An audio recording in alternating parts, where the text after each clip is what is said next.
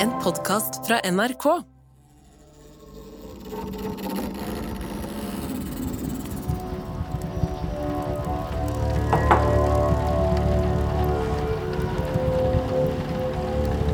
Paris, året 1810. En mann med mørkt krøllete hår over et rundt ansikt med en lang og spiss nese i midten sitter ved det mørkebrune, blanke skrivebordet sitt. Det skrivebordet Usedvanlig ryddig skrivebord, må jeg si. Veldig få papirer. Noen få dokumenter. Et par brev. Et kart ligger sirlig sammenrulla. Mannen med det mørke håret han har jobba tett sammen med den franske keiseren, Napoleon med sin hær. Leda hæren for han, faktisk. De siste årene har han vært general, ambassadør, krigsminister, marskalk Det er enda bedre enn general, det. Og fyrste av Ponte Corvo borte i Italia. Men grunnen til at det skrivebordet er så ryddig, er at akkurat nå er den litt sånn mellom jobber, faktisk.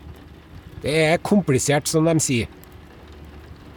Uoverensstemmelser med ledelsen har gjort at den har falt i unåde, men fortsatt er den en del av organisasjonen til Napoleon med sin hær. Mannen sukker for seg sjøl. Han er ikke vant til å sitte sånn og kjede seg.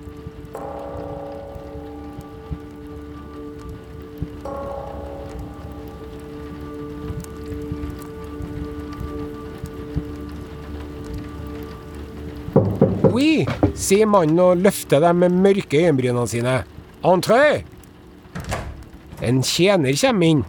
Mon general, det er en svensk utsending. En løytnant her for å snakke med dem. Svensk løytnant? Hm, pussig. Ja ja, send den inn. Har du ikke noe annet å finne på? Og så kommer en svensken. Han klakker hælene sine sammen, hilser stramt og sier Jeg har kommet for å erbjuda er den svenske kongelige kronen. Excuse moi, sier mannen forbausa. Qu'est-ce que c'est, sa du at du sa, sa du? Jeg har kommet hit, ens ærende fra Sverige, for at fråga om ni vil bli Sveriges kronprins og neste kung. Han arbeidsledige franskmannen blir faktisk litt satt ut. Mon dieu, du store all verden. Herre kom faktisk litt brått på, det må jeg innrømme. Når det er sagt, kronprins av Sverige, sier du.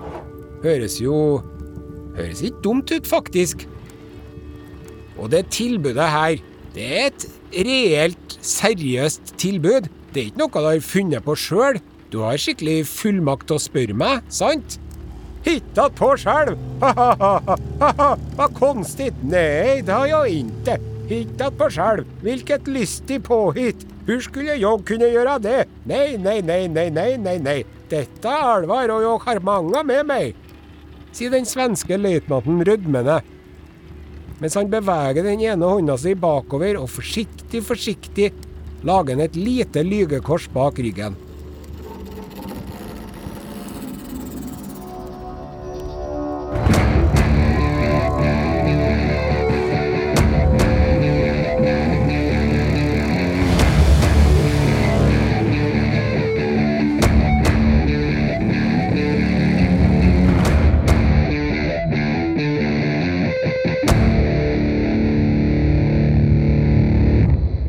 Hører Kongerekka med Are Sende Osen, sesong fire.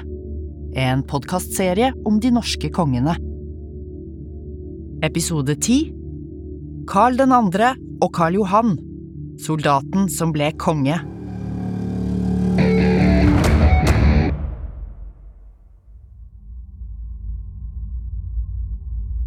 Han eh, mannen som fikk eh, tilbud om jobb nettopp, det var Jean-Baptiste Bernadotte, en av keiser Napoleons dyktigste menn. Da han ble spurt om han ville bli kronprins av Sverige, da hadde Sverige en konge som het Karl 2. Det var han som var konge av Norge også, fra 1814. Men greia var at han kong Karl 2. dessverre var gammel og hadde hatt slag, og var nærmest arbeidsufør. Og ikke hadde noen arvinger heller.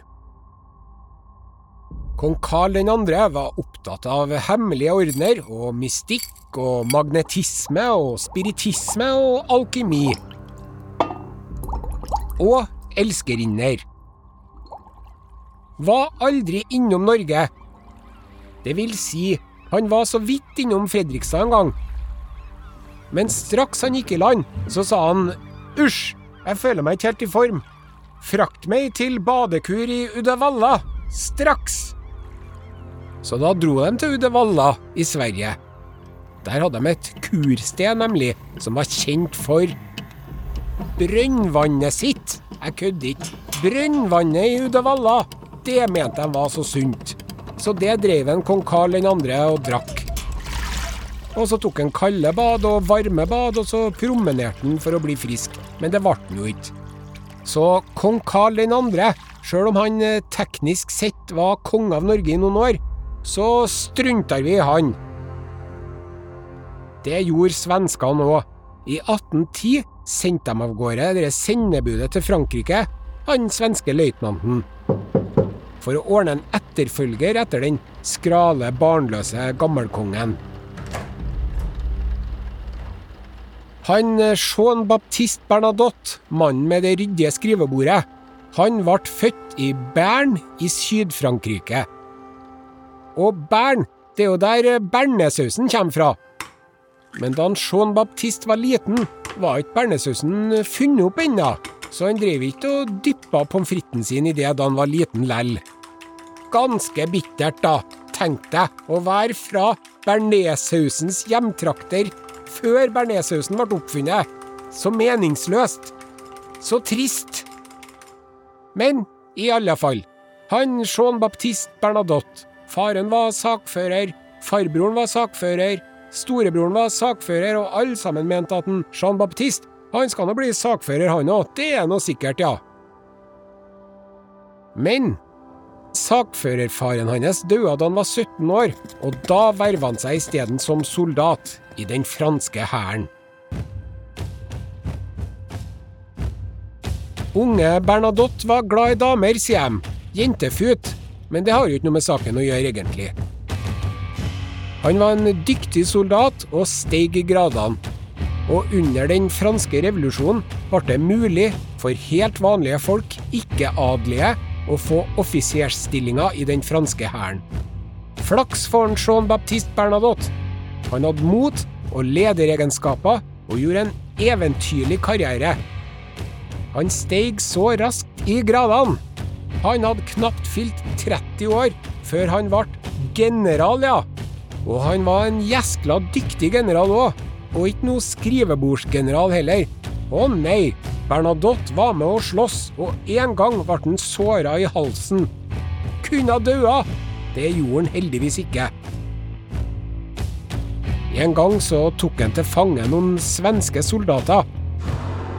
Og da var han så kul og gentlemanaktig med dem at svenskene ble kjempeimponert. De digga han. Det skulle vise seg å komme godt med litt seinere. Noen år før, mens han var underoffiser, hadde Bernadotte vært sammen med avdelinga si i den franske byen Marseille. Da ble han innkvartert hjemme hos en velstående og velansett silkehandler. Og jammen hadde ikke han silkehandleren ei datter. Visst hadde han det, og hun het Desiree. Da var Bernadotte 24-25, og Desiree var bare 12. Så jeg veit ikke om de hadde noe mye med hverandre å gjøre den gangen, men i hvert fall, ni år seinere, så ble nå dem gift. Jean Baptiste Bernadotte og Desiree. Men tror du ikke at i mellomtida da hadde Desiree rukket å være forlova med en annen.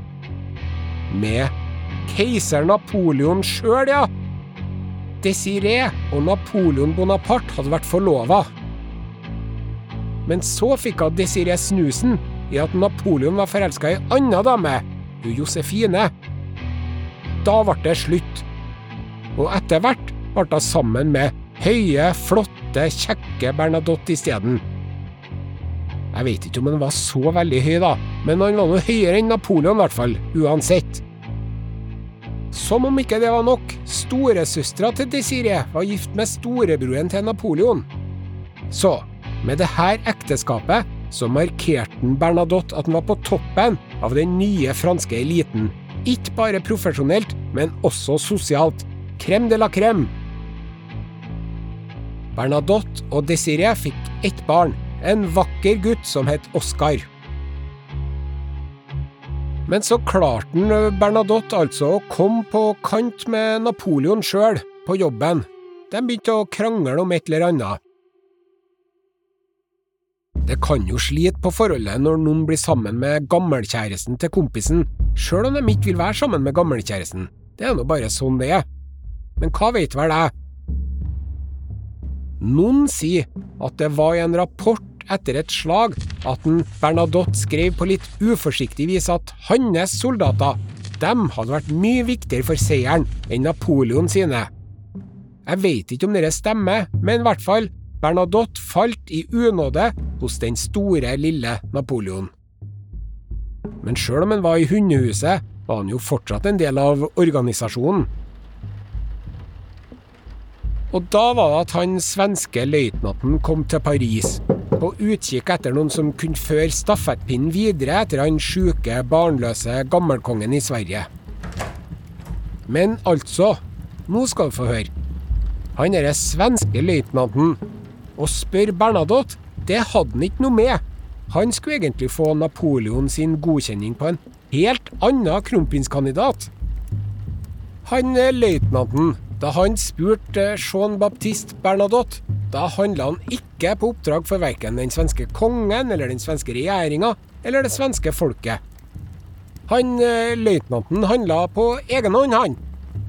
Han syntes at en Bernadotte var en så strålende kandidat, og at han hadde så godt ry, og at han var så populær, til og med blant svenske krigsfanger, at han kunne ikke la være å drive storpolitikk helt uten fullmakter. Han bare måtte tilby Bernadotte å bli tronfølger. Han ble nok litt revet med. Og siden Bernadotte jo var mellom jobber på den tida, så sa han 'jeg sier ikke nei takk'. Der hadde vi flaks, altså. Bernadotte, sitt manglende stamtre til tross, var et godt kongsemne. Bernadotte spurte sjefen først, Napoleon. Du, blir du gjeskla sur hvis jeg blir kronprins av Sverige, si meg? Næsj, svarte den keiser Napoleon, som sikkert ikke regna med at han kom til å bli valgt lell. Men så skyndte han Napoleon seg til å legge til. Men om du blir tronfølger, da må du love meg å aldri gå til krig mot Frankrike, ok?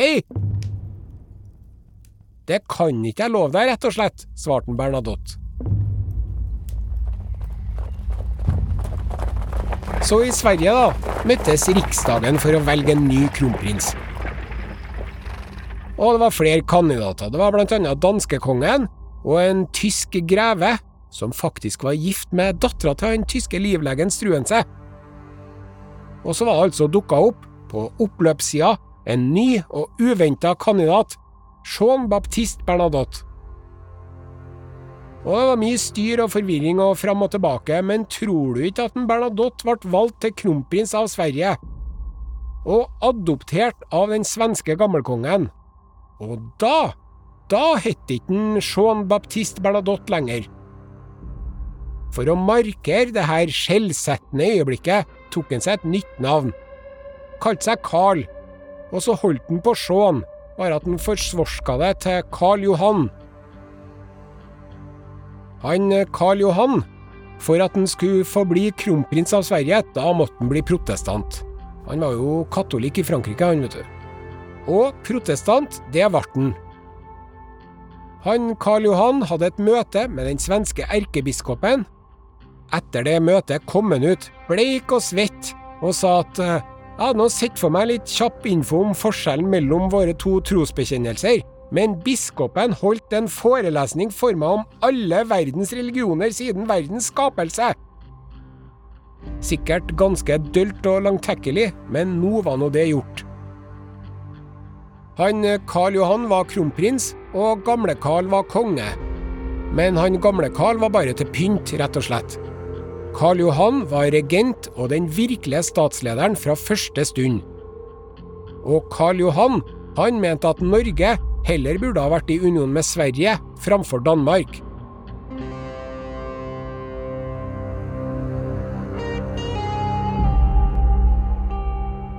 Napoleonskrigene herja jo over Europa, og ei stund var det bare England omtrent som sto imot Frankrike. Og alle sammen regna med at siden Karl Johan hadde vært en av Napoleons generaler, pluss at de på en måte var inngifta i slekt, så kom en Karl Johan til å ende opp på Napoleon sin side. Men i 1812 gikk en Napoleon inn i Pommern. I dag ligger det i Tyskland og Polen, men den gangen var det svensk. Da overraska han Karl Johan ganske mange ved å gå inn i krigen på Russland og England sin side, mot Napoleon. Han lovte jo aldri at han ikke skulle gå til krig mot Frankrike og Napoleon. Og med svenske tropper drev en Karl Johan og slo Napoleon i flere store slag.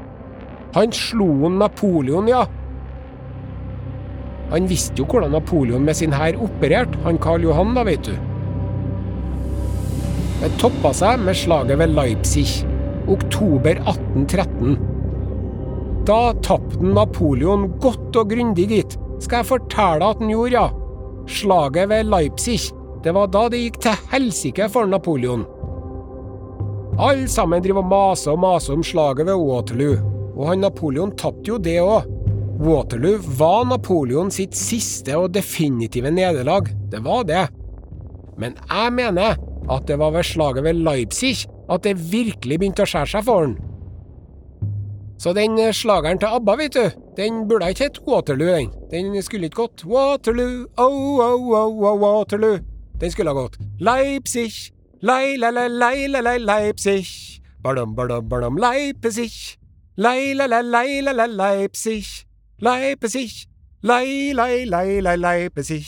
Lei-lei-lei-le-leip... Ja, men det lærte jo ikke like bra. Jeg skal innrømme det. Etter slaget ved Leipzig kom 1814 og den berømte Kiel-freden, hvor Danmark måtte gi fra seg Norge til Sverige. Helt perfekt for en Karl Johan. Der fikk han unionen sin. I november 1814 ble en gamle Karl 2. valgt til konge av Norge også. Men det var kronprins Karl Johan som fem dager etter at de overtok Norge, kom på besøk til det nye landet sitt. Og Karl Johan hadde med seg sønnen sin, Oskar, på 15.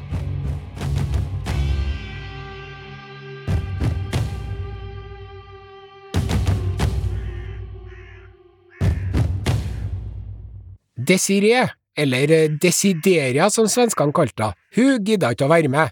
Kronprinsesse Desiree hun var ikke så interessert i å være i verken Norge eller Sverige, hun. Hun savna Paris. Hun hadde ikke lyst til å holde til i isbjørnens bistre og ugjestmilde land, som hun sjøl sa det. Hun for fort tilbake til Paris igjen, gjorde hun. Og når vennene hennes spurte hvordan er det i Stockholm, da, si meg, Desiree, da fresa hun. Ikke snakk til meg om Stockholm, jeg begynner å fryse bare jeg hører ordet.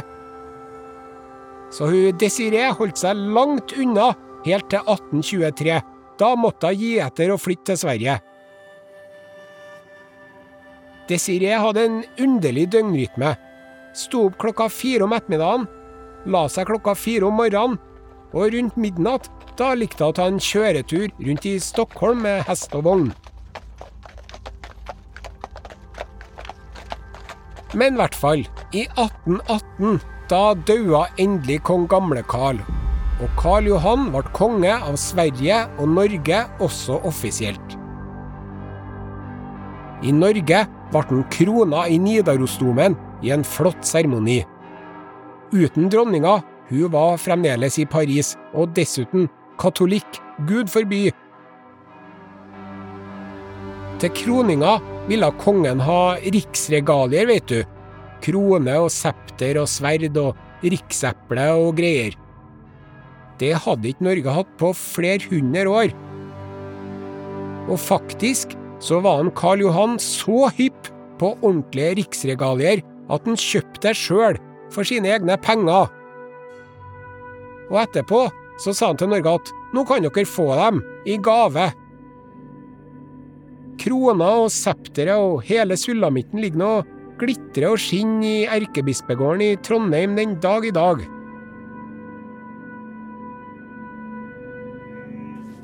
Han, Kong Karl Johan var kjempepopulær i Norge, spesielt blant bønder. Vet du, jeg lurer på om jeg faktisk må bruke uttrykket folkekjær. Ja, om han ikke var folkekjær, så var ikke langt unna, i hvert fall. Sjøl om han aldri lærte seg norsk. Eller svensk, for den saks skyld. Annet enn noen få ord og korte kommandoer. Jeg tipper ja, nei, hit, gå bort, kaffe og den slags. Hadde med seg tolk da når han for omkring. Kong Karl Johan var klartenkt og hadde full oversikt over den internasjonale situasjonen ute i Europa. Han lot Norge være Norge, et eget rike, i union med Sverige. Men likevel så likte han ikke 17. mai. Stadig vekk og ganske spontant drev folk rundt omkring og feira grunnlovsdagen. Det likte ikke Karl Johan, nei. Han hata 17. mai, gjorde han. I 1828 forbøy han hele 17. mai-feiringa. Det var en revolusjonær handling og svenskfiendtlig provokasjon, mente han. Men året etter, i 1829, ble det nå feira 17. mai lell. Folk samla seg på Stortorget i Oslo. Da ble de jaga bort av både kavaleri og infanteri i det såkalte Torgslaget. Til og med Henrik Wergeland sjøl fikk seg et rapp over skuldrene. Det her 17. mai-hatet virka mot sin hensikt. Det styrka nasjonalfølelsen blant nordmenn, og etter hvert så ga han opp å nekte 17. mai-feiring kongen. Men han Karl Johan han kunne krangle om andre ting òg, han.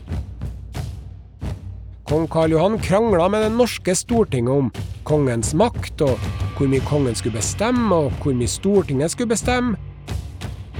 Karl Johan ville ha vetorett, og han ville kunne oppløse Stortinget når han var sur, og han ville gi embetsmenn sparken når han var irritert, og han ville bestemme Stortinget sin saksliste. Men han fikk ikke noe av det igjennom, og det var tussig han. Og etter hvert som en Karl Johan begynte å bli gammel, var han ikke så kranglete lenger. Men stadig mer populær.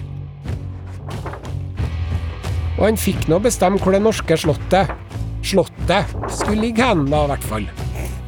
Kongen hadde ikke noe ordentlig slott i Norge den gangen. Når kongen var i Oslo, da bodde han i en diger enetasjes murgård som lå mellom Oslo Børs og Jernbanetorget. Paleet het det huset. Så Karl Johan la ned grunnsteinen til slottet, men rakk aldri å flytte inn sjøl.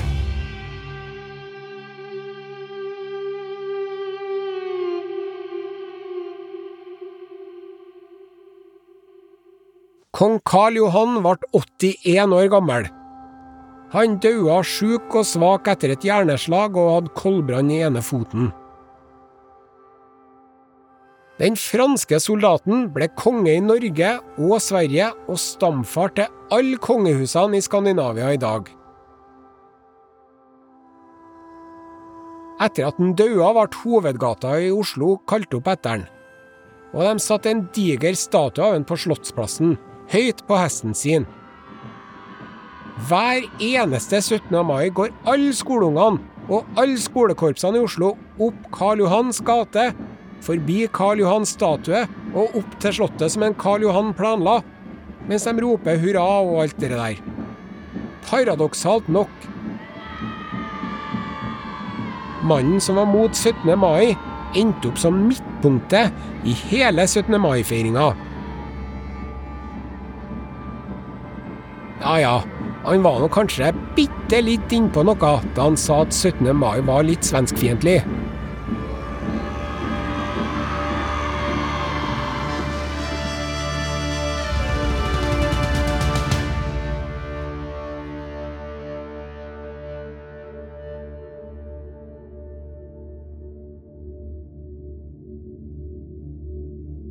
Kongerekka er laga av Are Sende Osen og Ragnhild Sleire Øyen. Historisk konsulent er Randi Bjørsol Verdal, og musikken er av Syncpoint.